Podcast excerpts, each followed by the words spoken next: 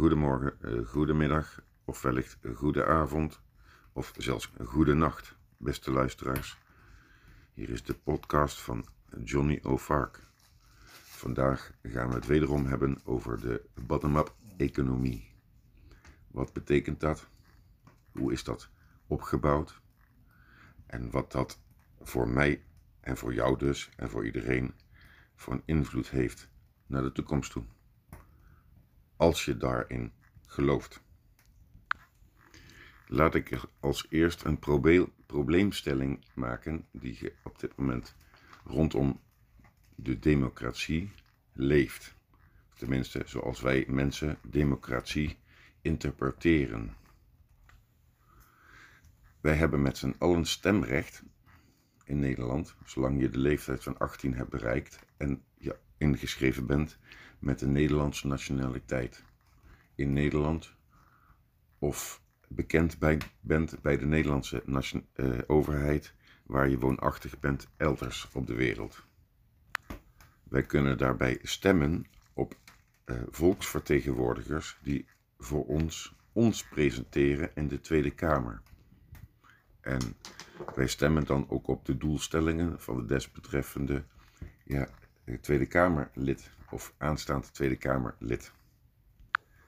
Deze Tweede Kamerleden die hebben zich vertegenwoordigd uh, meestal binnen politieke partijen of uh, eenpersoonspartijen noemen ze dat dan. Dus iemand is individueel en wil zich niet aansluiten bij een politieke partij. Uh, die formeren een, een soort, noemen ze dat, hun politieke agenda. En dat presenteren ze dan voor de verkiezingen en op basis van die politieke agenda kunnen we dan, eh, noem maar wat, met de stemwijzer gaan zoeken welke Kamerlid voor ons het beste zou kunnen vertegenwoordigen in datgene waar wij voor staan. Of tenminste, ik voor sta binnen mijn stemrecht. Vervolgens moeten die Kamerleden aangesloten binnen hun eigen politieke partijen of eenmanspartijen samen een coalitie vormen om vervolgens een meerderheidscoalitie te creëren in de Tweede Kamer. En dat ze daarmee dus ook ministers kunnen aanstellen die zich bezighouden met individuele ministeries. Waaronder ook het ministerie van Algemene Zaken. De positie die momenteel wordt ingevuld door Mark Rutte. Op het moment dat er op dat moment beslissingen genomen worden, ja, als het gaat om uh, wetgeving, dan moet men moeten die coalitiepartijen op het moment dat zij regeren uh, hun wetsvoorstellen voorleggen aan de Tweede Kamer en hen ook de, de oppositiepartijen de gelegenheid geven om daarvoor over te debatteren, zodat je tot eindelijk tot beslissingen komt, gezamenlijk. En in, voor, in, zo altijd in een meerderheid, als het om wetsvoorstellen gaat, in twee derde van de meerderheid, dus meer als de coalitiepartijen alleen, kan er een wetswijziging doorgevoerd worden.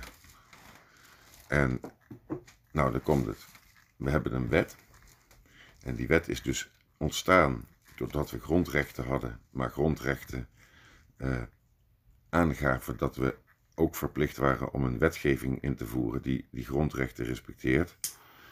En vervolgens eh, door die politieke partijen in de Tweede Kamer en de Eerste Kamer uiteindelijk tot wetswijzigingen of wetsaanvullingen komen om die wet te nuanceren ten opzichte van de grondrechten.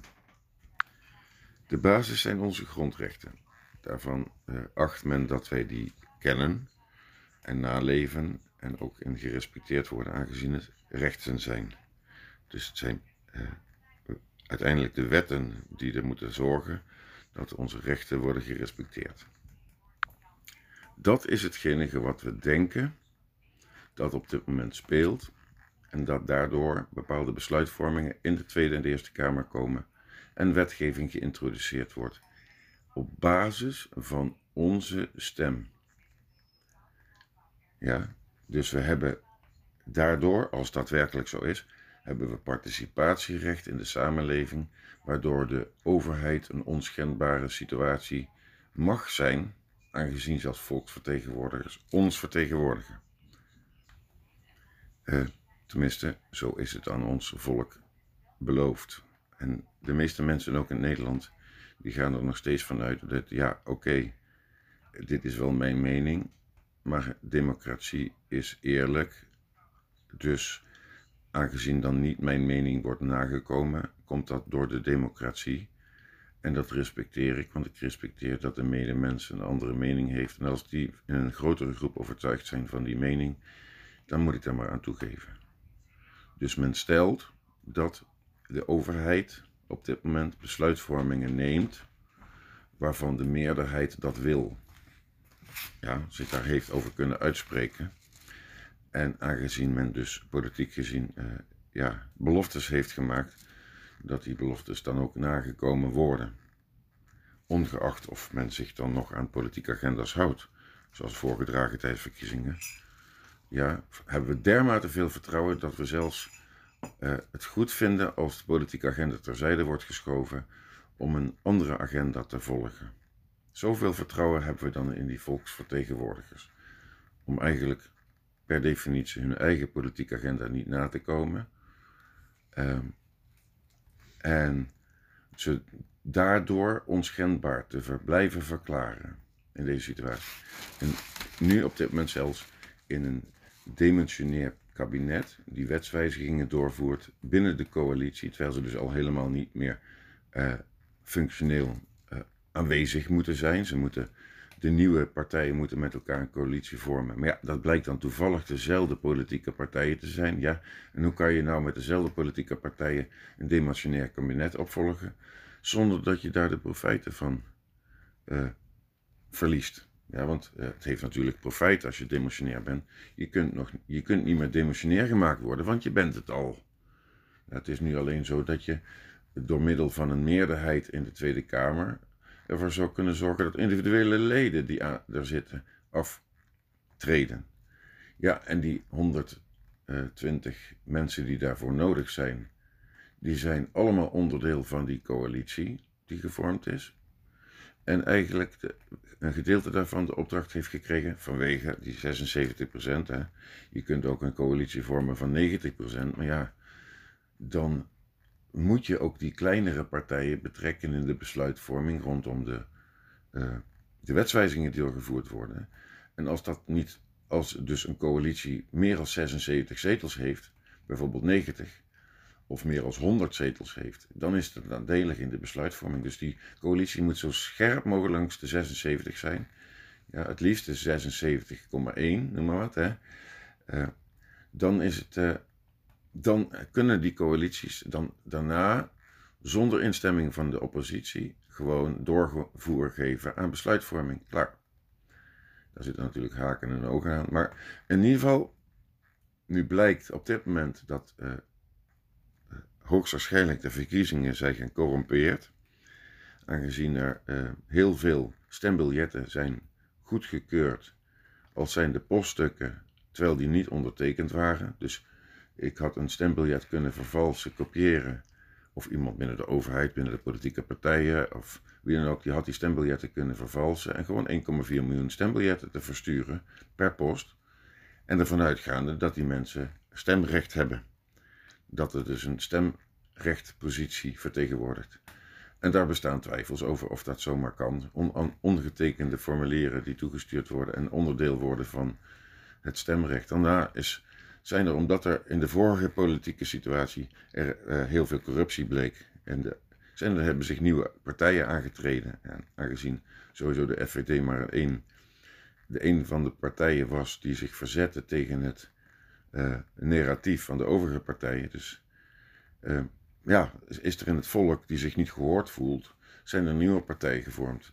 De meeste van die nieuwe partijen hebben geen doorgang gekregen, maar wel stemmen. Ja, en die stemmen, daarvan zijn niet duidelijk wie die stemmen uiteindelijk hebben gekregen. Is dat dan nou uiteindelijk de coalitie geweest? Of is dat evenredig verdeeld over de resterende partijen? Ja, is dat mede bepaald eh, afhankelijk? Eh, ja, is dat openbaar? Dat sowieso, dat betwijfel ik. Dus uh, ja, de nieuwe partijen die het afgelopen verkiezingsprogramma hebben meegedaan, hebben eigenlijk, doordat ze geen zetel kregen, uh, meegedragen aan het vormen van een coalitie tegen de nieuwe partijen die gevormd zijn, want die wel een zetel hebben ontvangen. Uh, nou, dat is allemaal bij elkaar heel erg complex. en heel ver van mijn bed. En als ik een besluit heb genomen en ik wil het niet, dan moet ik uh, hoogstwaarschijnlijk met een overheid samenwerken of accepteren die uh, de beslissingen, uh, dat wie de meerderheid is in die behoefte, niet ligt meer ligt bij het volk, maar bij de politieke partijen zelf. Ja, dus een politieke partij kan een verkiezingsprogramma voorleggen en vervolgens heel iets anders uitvoeren. Ja, en dan mag ik mijn stem niet terugtrekken, maar heeft wel in die positie zijn, stem, zijn positie gekregen en doet net alsof hij namens mij kan spreken. En uh, gelukkig heb ik deze verkiezingen me daar uh, bewust van geweest en gezegd van weet je, als ik, als ik ga stemmen, dan wil ik graag weten wat er met mijn stem gebeurt.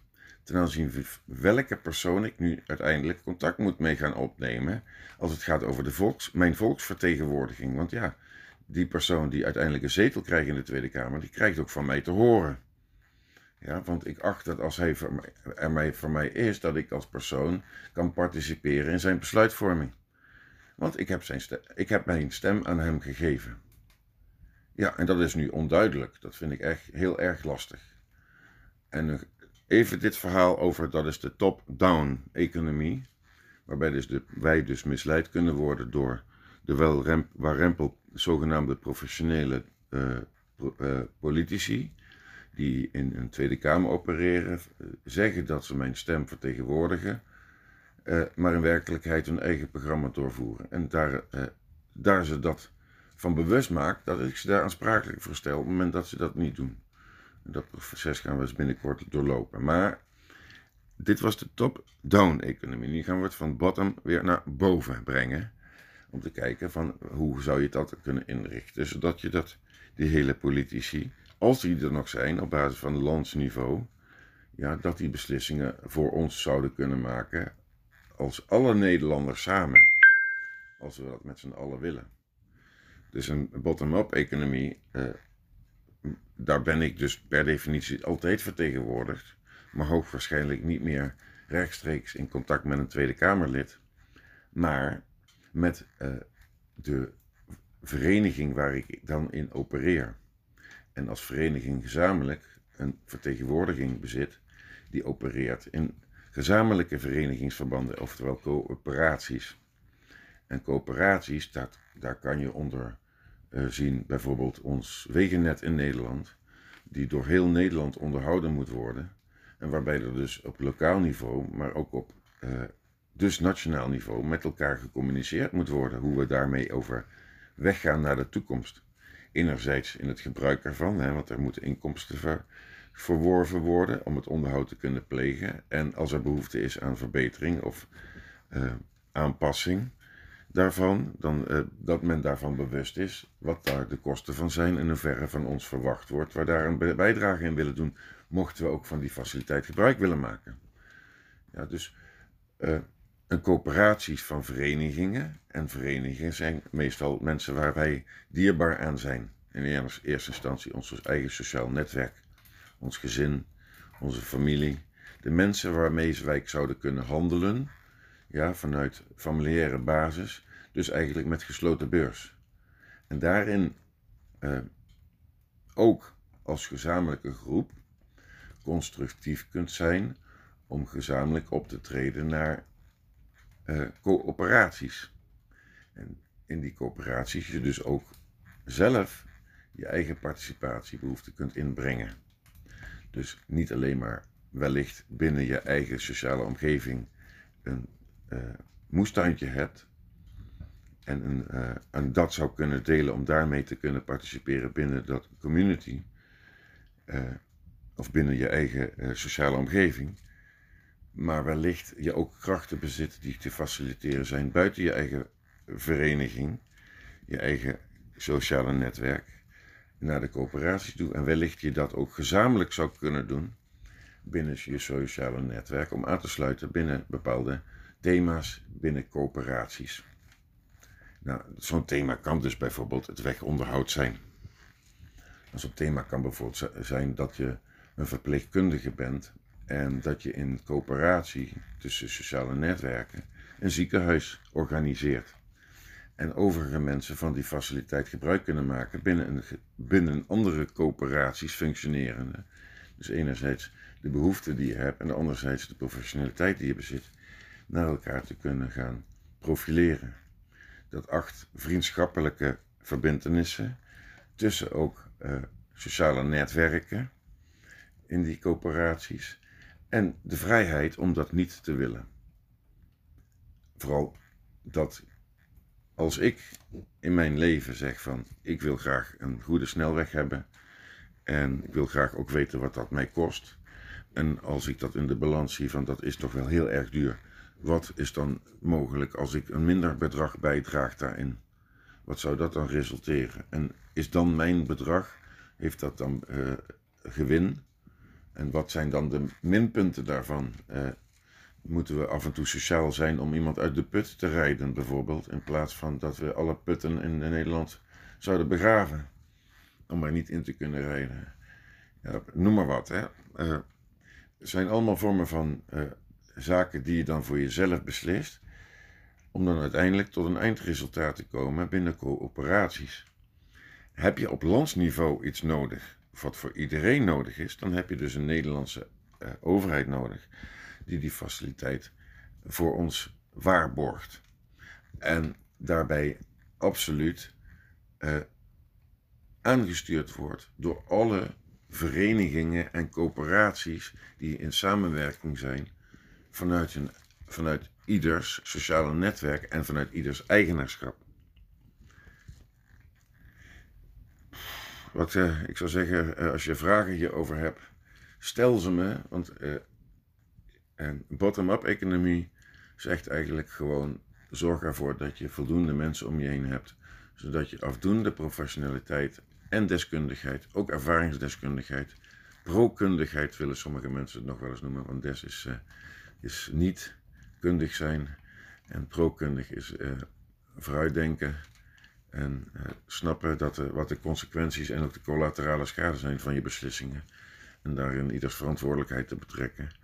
Um, opereer je eh, naar de toekomst toe in zo'n bottom-up economie, waarbij je in dat sociale netwerk elkaar garandeert een bestaan te hebben en uit de zorgen te zijn, want er is in overvloed op de wereld voor iedereen. Ja, en uh, er zijn veel initiatieven op Telegram en in de nevenmaatschappijen en de gesloten beurs. En, en er zijn ook veel conventies waar mensen bij elkaar komen en over dit thema met elkaar praten. Niet iedereen noemt het een bottom-up economie. Maar wil je de verantwoordelijkheid in je leven zelf kunnen nemen, dan zal je daarvoor meer kennis moeten bezitten als één persoon alleen. Ik, samen met mijn partner, heb de zorg over mijn kinderen, en heb de zorg over mijn omgeving, dus mijn woning en de tuin. En daarbuiten wil ik meer kunnen als dat stukje grond, wat de huidige economie ons ook in faciliteert. Hij gaat maar naar de supermarkt en het, het slagvee ligt allemaal voor je klaar. Menig kind weet nog niet meer dat het uit een dier komt.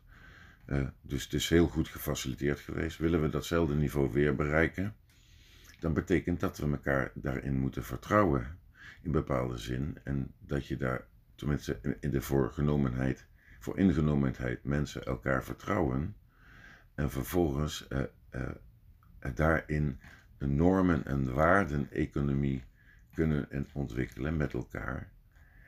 En zo wederom te gaan proberen vertrouwen dat het kan.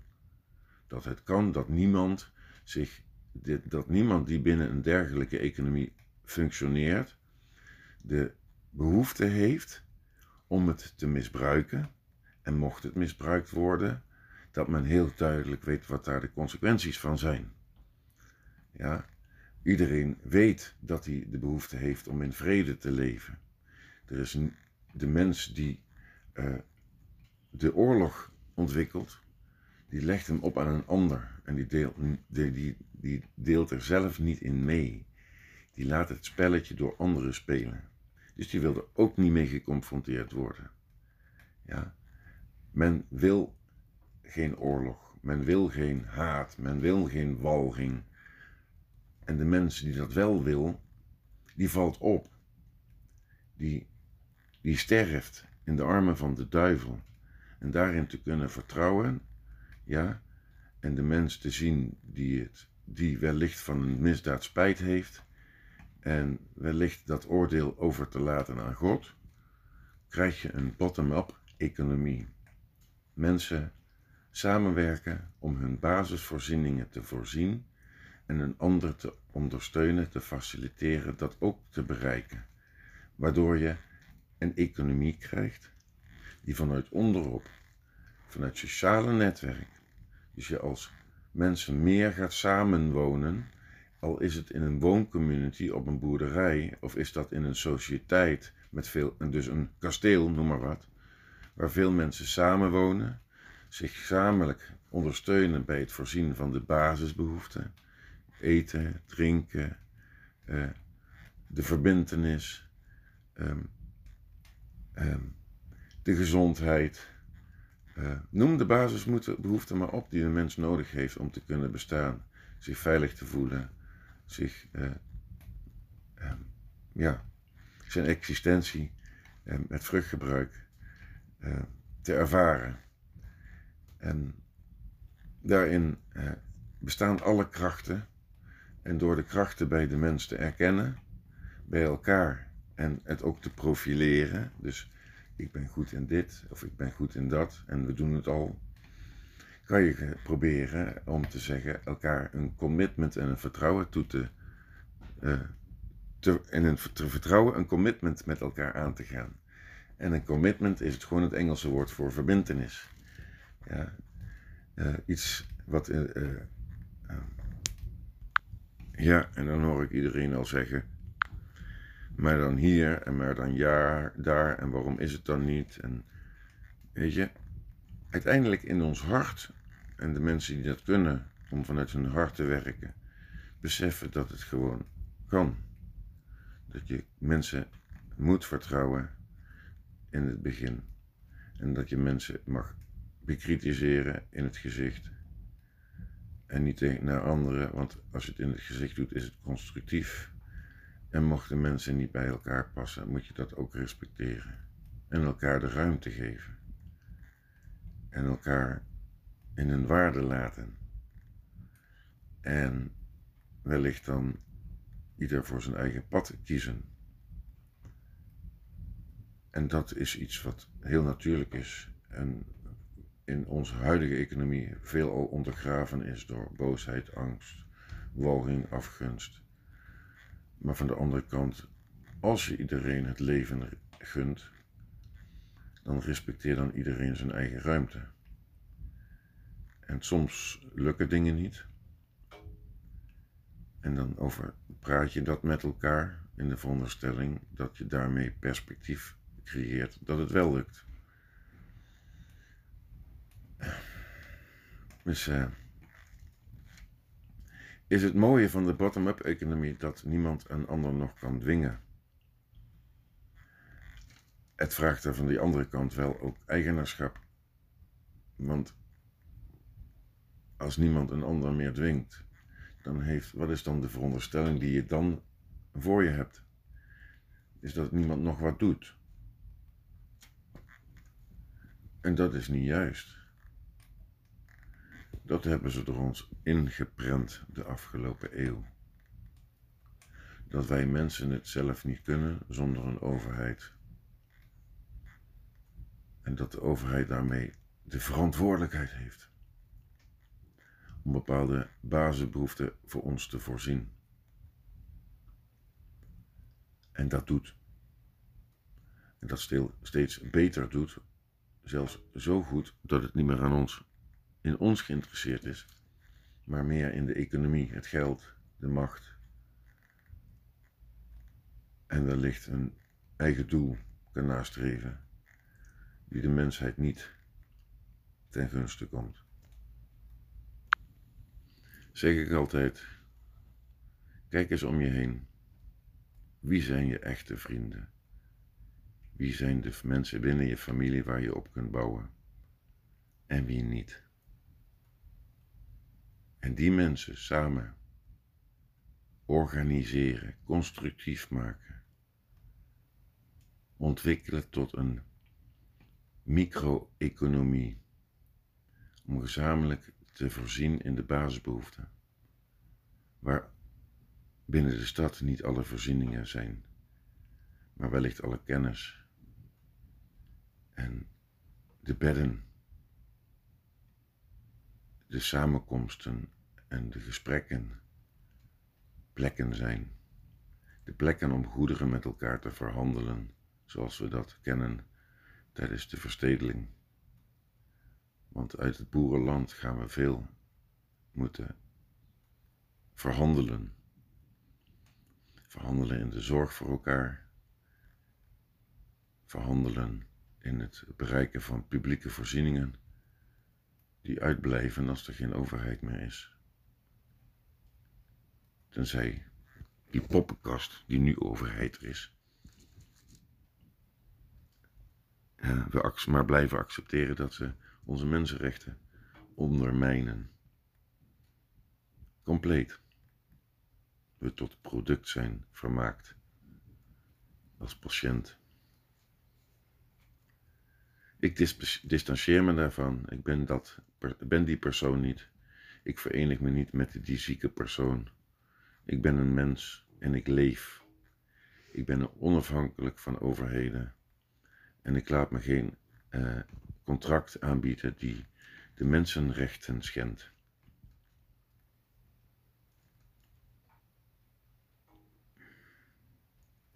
En het mooie is dat hoe kwaad het kwaad ook is, is de overheid ook positief gecorrumpeerd.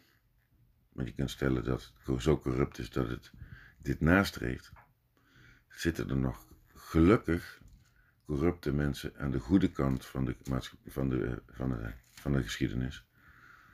Die af en toe zo'n documentje oppakken en het doorsluizen en het wellicht er waarde aan kan gaan toekennen binnen zijn ministerie. Want eigenlijk, zitten die mensen daar toch om, uh, om maar plezier te hebben aan hun werk. En dat doen ze niet door als rekenmachine door te sluizen, als artificial intelligence te denken maar van ook hun menselijkheid en humaniteit te laten zien. Ja.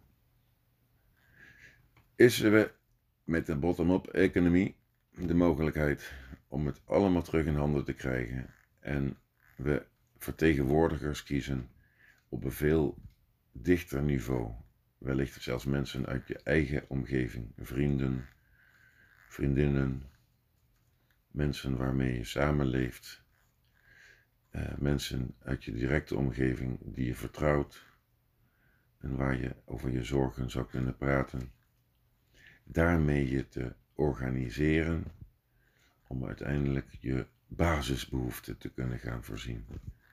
En de Kamer van Sociale Waarden wil zich zo ontzettend graag faciliteren om al die wooncommunities, al die gezinnen met hun sociale netwerk, met elkaar in verbinding te brengen tot het formeren van coöperaties.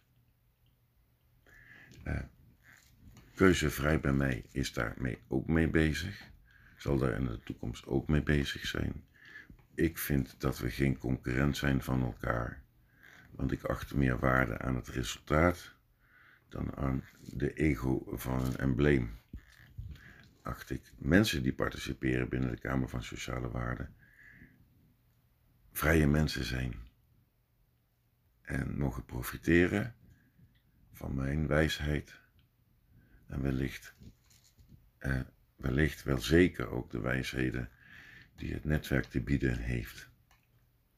Door sociale netwerken met elkaar te verbinden en met elkaar constructief coöperaties te kunnen gaan organiseren. Wellicht eerst verenigingen en die verenigingen in de zorg gezamenlijk tot coöperaties komen en dus uiteindelijk een van onderuit uh, de mens weer gaat samenwerken.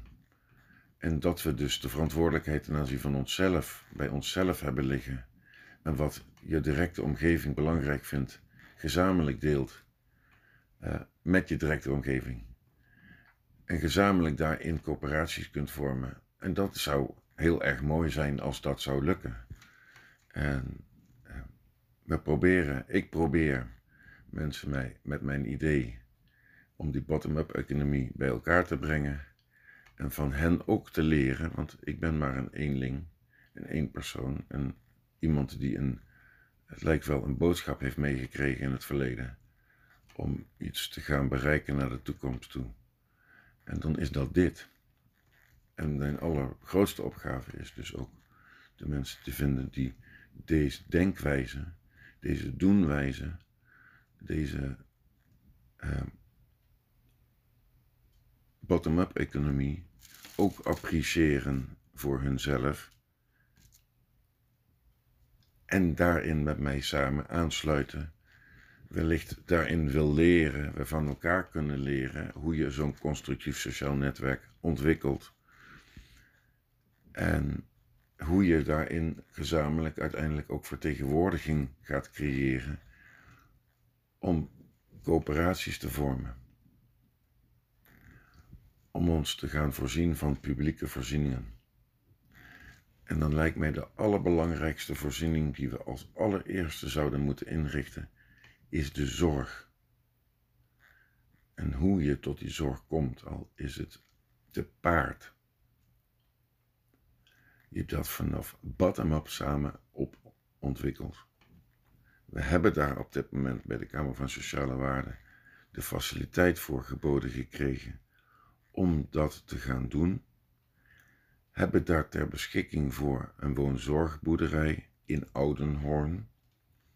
En we zoeken daarvoor investeerders ja, die dat experiment want ik blijf het toch een experiment noemen. Iedereen moet daar met een informed consent en volledig uh, overtuigd van in willen deelnemen. En wordt daarmee, als ik een, ik zeg altijd, ik bestaat niet meer uit ik, ik alleen. Ik heb al leden binnen de informele vereniging, de Kamer van Sociale Waarden, die ook mee participeren, ook denken en net zoveel één persoon zijn als ik. Niemand daarin is meer of minder in die groep. En dat betekent wel dat we kritisch zijn naar elkaar. En dat betekent wel dat we ons uh, geïnteresseerd uiten ten aanzien van het, uh, het lijden van de ander. Uh, het, de overwinningen die een ander heeft meegemaakt. En daarin eigenlijk deelneemt aan de preventieve zorg van de ander. In, en dat, wat dat dan is, die zorg, dat is privé, ja, dat respecteren we binnen de groep, dat als privé te zien, maar toch dat gezamenlijk te delen. En wat alleen nodig is om naar externe partijen te gaan, dat met die externe partijen te gaan delen als wij dat zelf willen. Ja, en dat is uh, een mooie basis om, uh, om te zeggen: ik heb een sociaal netwerk geformeerd en wij willen ons uh, ook professioneel en deskundig profileren. Echter wel vanuit hetzelfde gedachtegoed dat je die bottom-up economie wilt gaan organiseren. En ik woon zorgboerderij in Oudenhoorn. Hoop ik dat dat gaat lukken. We hebben nogal een behoorlijk investeringsbedrag nodig. Dat betekent dat er echt serieuze mensen moeten zijn die zeggen van ik zit nu wel in deze wilderige wereld van heel veel geld, maar heb net zo goed veel lasten. En ik wil toch naar de zekerheid een, een verzekering dat ook ik deze oorlog overleef dan zet ik me in en investeer ik me in een zorgboerderij waarbij zoveel mogelijk mensen zouden kunnen mogen participeren. Om zoveel mogelijk mensen te voorzien in hun bestaansbehoeften. Iedereen voor elkaar in die zin. Hè. Dus het is niet alleen maar zo dat je komt eten. Het is ook dat je zorgt dat je ervoor werkt. En dat die groep alleen maar kan gaan groeien door je te faciliteren naar buiten. En hoe we dat organiseren, die kennis hebben we nodig om bij elkaar te komen. We hebben de kennis nodig in alles. Letterlijk uh, zeg ik, ik heb het boek, ik doe het open, ik lees het voor. En dat is het belang wat ik mag vertegenwoordigen. Alles meer is, meer, is meegenomen. Echt. Dit is de bottom-up economie. Ik heb mensen nodig om ons heen die niet alleen voor mijn sociale netwerk van belang zijn. Ja, en ik acht die nog altijd onvoldoende, want ik ben echt nog niet voorzien in alle publieke voorzieningen. Uh, de behoefte dat mensen dat ook doen. En je mag je dan zeggen, kom word lid van de Kamer van Sociale Waarden, de grootste sociale netwerk van Nederland. Mensen daarbinnen met elkaar een commune vormen, in de zorg voor elkaar. Je geregeld bij elkaar samenkomt om geïnteresseerd te zijn in de ander en daarmee te ervaren in je eigenaarschap je een bijdrage voor een ander kunt zijn.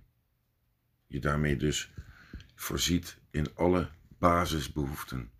De meest essentiële basisbehoefte is namelijk de zorg voor elkaar. De zorg te kunnen geven, daarin eigenaarschap te ervaren en daarmee jezelf te ontwikkelen naar een mens met eigen waarden. De zorg voor elkaar, de zorg hebben wij vermarkt. En we zijn door het kapitalisme van elkaar gaan wegkijken en veronderstellen: het zit wel goed. De zorg regelt het wel. Ik hoef me niet druk te maken om een ander. Een ander maakt zich niet druk om mij. En vervolgens hebben wij daarna ook nog onze privacy. Niemand bemoeit zich nog met ons. Zo is de stelling, wat vrijheid betekent. Maar is dat ook zo? is het nu zo dat we dat dan maar vertrouwd moeten centraliseren naar één centraal punt op de wereld, waarbij iedereen zijn privacy verliest? Of mogen wij onze privacy blijven waarborgen onder ons sociaal netwerk? En die privacy alleen daar voorkomt, wegens die behoefte, elkaar te kunnen ondersteunen in de basisbehoeften. Ja, en ik denk dat iedereen een persoon naast zich moet hebben die alles van die ander weet. Zelfs dat is ook een behoefte. Dus privacy aan zich, het individualiseren van mensen en ze het gevoel geven dat, ze, dat niemand ze kent, dat ze alles geheim kunnen houden, ja, zorgt er eigenlijk ook voor dat je jezelf opsluit en jezelf in het kwaad kunt verstoppen. Uh, jezelf een ander belachelijk kunt maken als die meent dat je doodgaat aan de vaccinatie. Dat kan niet meer.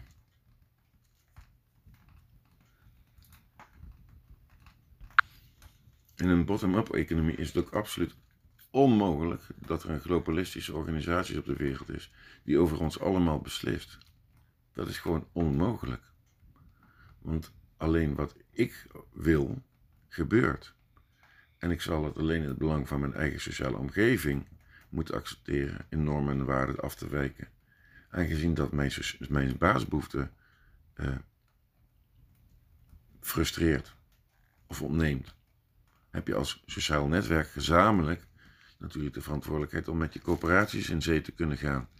Die dan op lokaal niveau economie bedrijven. En als dat interessant is om dat op landelijk niveau te doen, dat je daarin wellicht door organisaties kunt faciliteren op lokaal niveau. Of op landelijk niveau. Maar dat hele systeem klinkt nogal best wel complex. Ja, dat kan. Dat kan op de PC heel erg efficiënt, heel erg goed. Moet je te veel vertrouwen gaan nemen in alles. Dat kan van hand tot hand. Maar de beslissing in, daarin is aan jezelf. Als je de luxe aanvaardt, dan aanvaard je uiteindelijk ook op een gegeven moment dat het kwaad het overneemt. En leef je fundamenteel en daarmee van de vruchten om je heen van je moestuintje.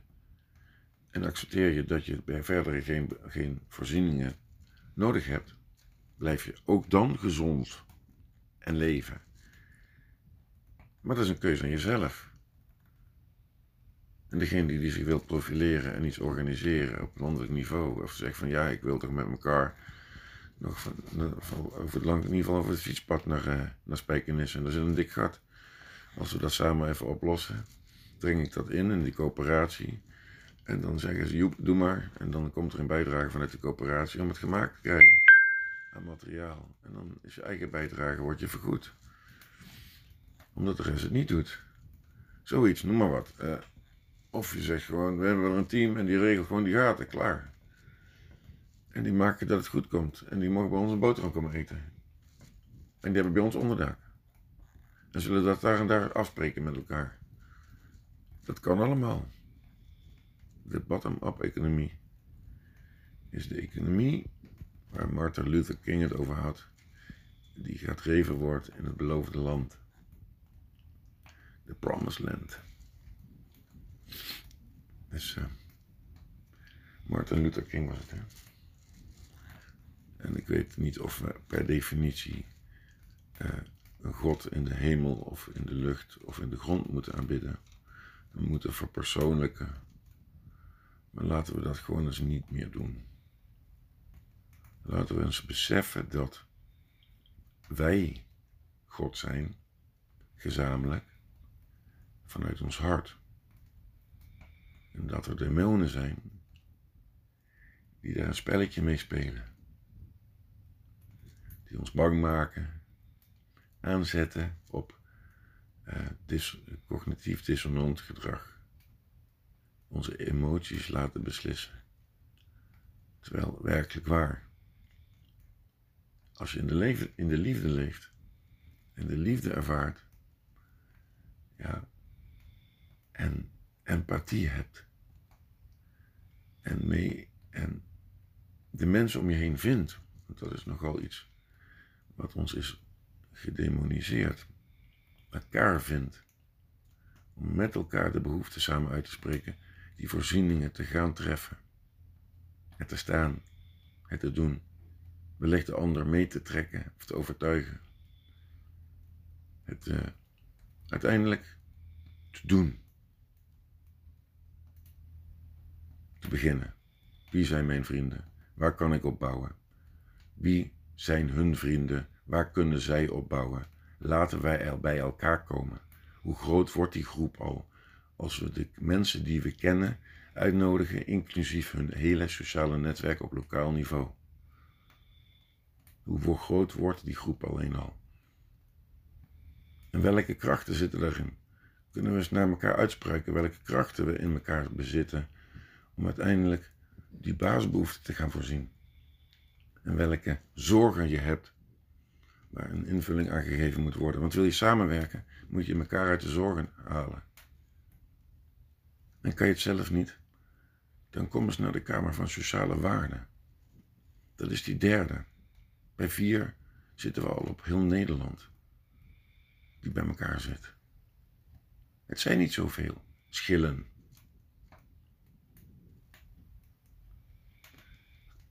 blijven niet zoveel mensen over na deze depopulatie. En we krijgen alle ruimte van de wereld. Het enige wat we nog wel moeten doen op dat moment, om die vent eventjes te faciliteren met, met goed brood en uh, lekker eten, dat ze dat krapul wat nu op dit moment de hele boel kapot maakt, opzettelijk nog, want ze hadden het ook gewoon kapot kunnen laten gaan. Ja, dat was niemand schuld. Dan waren ze alleen hun geld kwijt en hun macht. Maar dan waren ze vergeven. Moeten we ze op dat moment zes steden verbouwen op de wereld. Daar mogen ze dan leven zonder niks. Zich een eigen steen bouwen. Hopelijk water vinden, anders mogen ze het uit spuug doen. En laten ze daar leven. En wij zorgen ervoor dat de rest van de wereld een paradijs wordt. Vanuit de bottom-up economie. Daar hebben we die vent nog voor nodig. Ja, jongens die wakker zijn in hun lijden. En ook nog geweld hebben moeten meemaken. Laten we hen de opdracht geven om de daders te vervolgen. En hen ook een plek geven. De strijders. Laten de zorg mensen die de zorg willen hebben over anderen, bij elkaar komen met hun hart.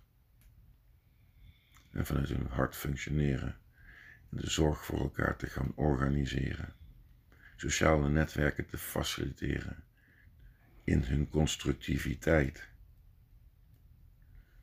En laten we de mensen die wakker zijn bij elkaar komen om hierover te gaan praten.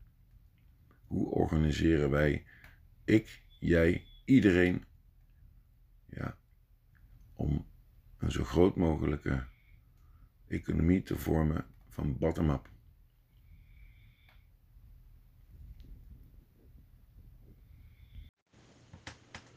We kunnen zoveel lullen als maar wat.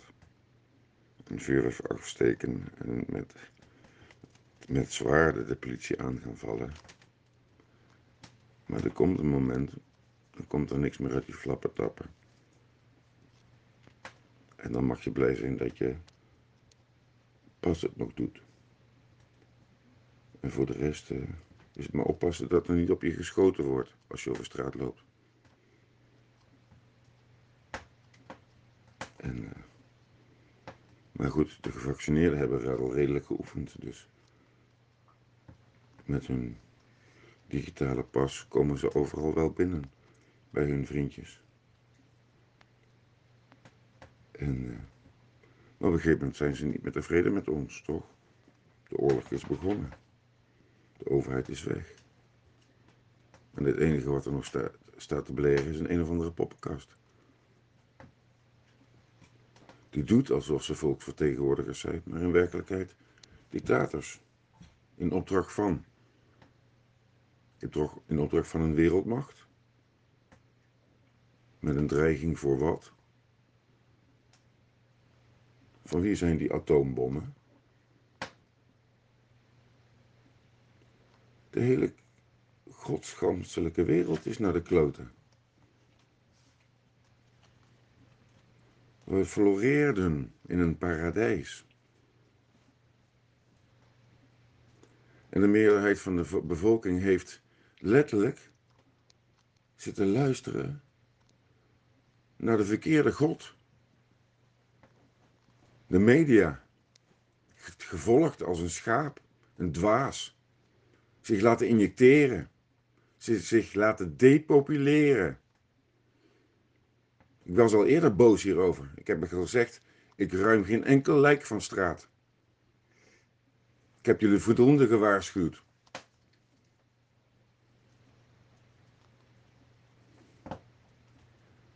Het is al uh, twee jaar, zeggen sommigen. In werkelijkheid begint het pas. Want die overheid die weet dat het van God los wordt.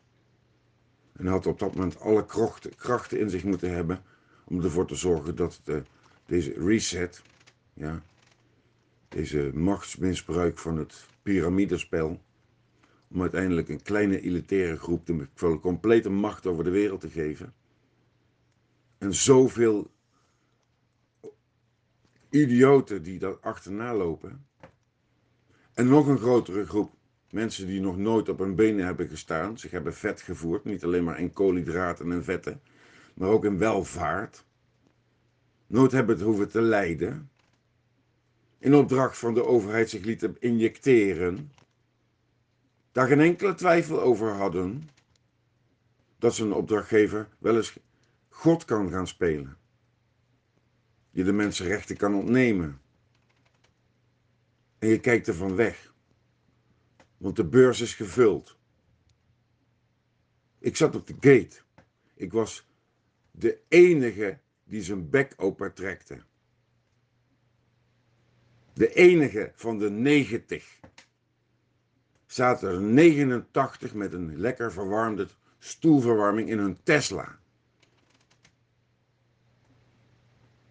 En dachten ze alleen aan, aan zichzelf. En ik ben weggegaan. En ik ben al twee jaar lang bezig. En nu moet er nog een gevaccineerde naar me toe komen en zeggen van ja, jij wappie. Uiteindelijk mag ik blijven. En de gevaccineerden wegrotten. En er zijn mensen bij die ik heel erg lief heb, die dat ook hebben gedaan. Deze dwaasheid en waanzin. En nog altijd zie ik dan iedereen, iedereen, als je s'avonds de krant rondbrengt, zoals het gezond verstand, dan staan overal de, de, de televisies aan. En iedereen kijkt naar diezelfde teringleiers daar op televisie. Iedereen staat dat God te aanbidden. Die technocraat, die van jou een product heeft gemaakt. Omdat hij je verbonden heeft aan een product. Je bent genetisch gemanipuleerd met een patent. Jouw DNA is geprogrammeerd door een mens. En God weet wat uiteindelijk daarvan de consequenties zijn. En zij, maar God eerder. Maar geloof mij, want God heeft deze opdracht gegeven. De God heeft beslist dat wij als doorontwikkelde mens of dier in staat zijn om de wereld te vernietigen. Ja, en daarin zijn rancune heeft. En wellicht uh, elke eeuw even een resetje doet. Deze keer wel een behoorlijke reset doet. Van maar liefst 87% zoals de duivel het uitspreekt. Ik, uh, ik gun het niemand. Maar ik heb er ook zelf niet voor beslist. Het is die eigen teringspuit in je eigen lijf. Die heeft gepatenteerd. Nu ben je in dat systeem. Onderdeel van dat systeem. En accepteer je de slavernij. Je in armoede gedreven wordt. En nog kan je dan geen nee zeggen. Ik doe niet meer mee. Dan liever vertrouw ik op een God die me door die tijd heel brengt en me daarin beschermt. Daar vertrouw ik op. En ik lach me dood, echt dood, met een hele dikke traan, wat hier aan de hand is, waar deze mensen zich mee hebben ingelaten, in hebben vertrouwd. Echt verschrikkelijk. Wat leven er een dwaze op de wereld.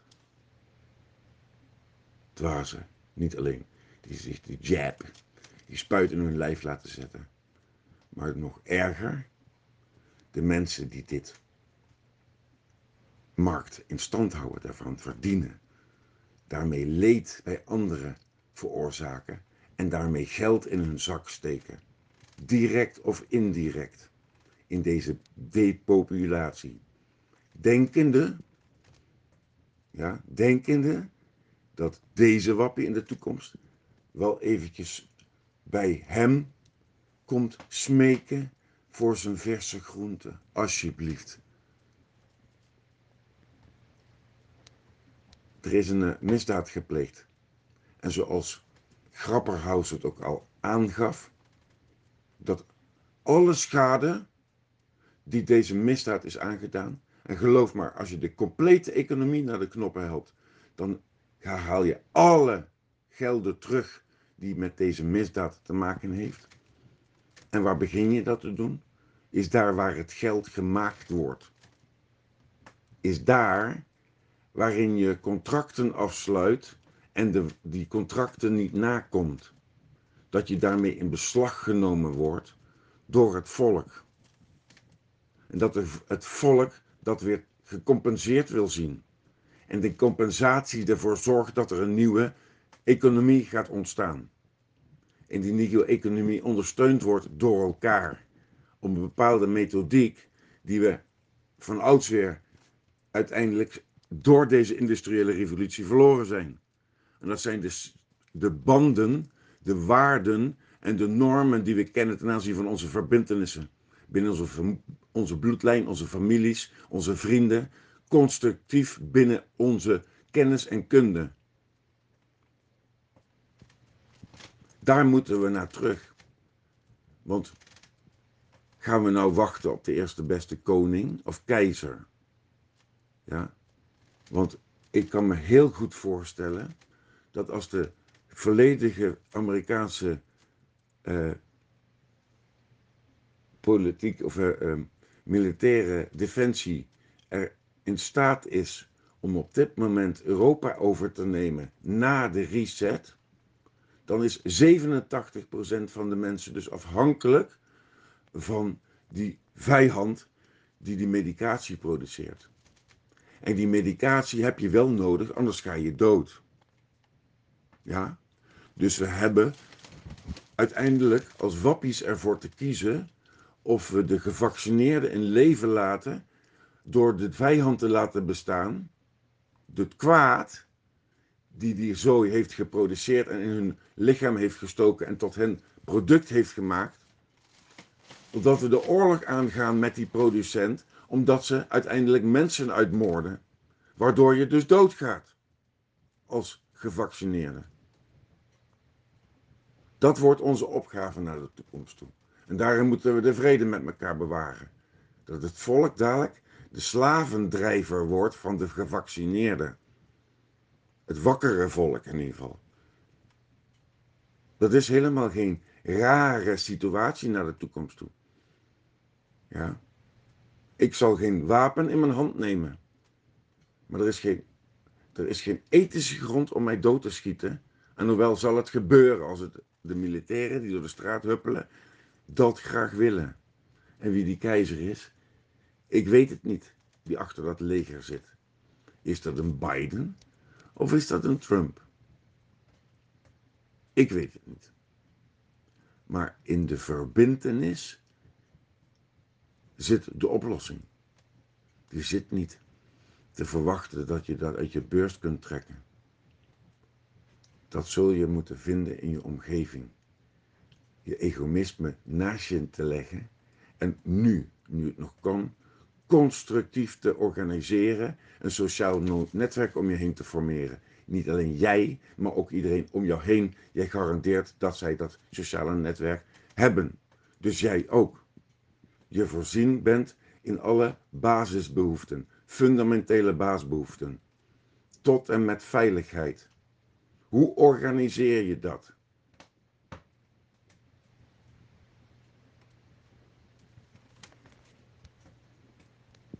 Kamer van Sociale Waarden.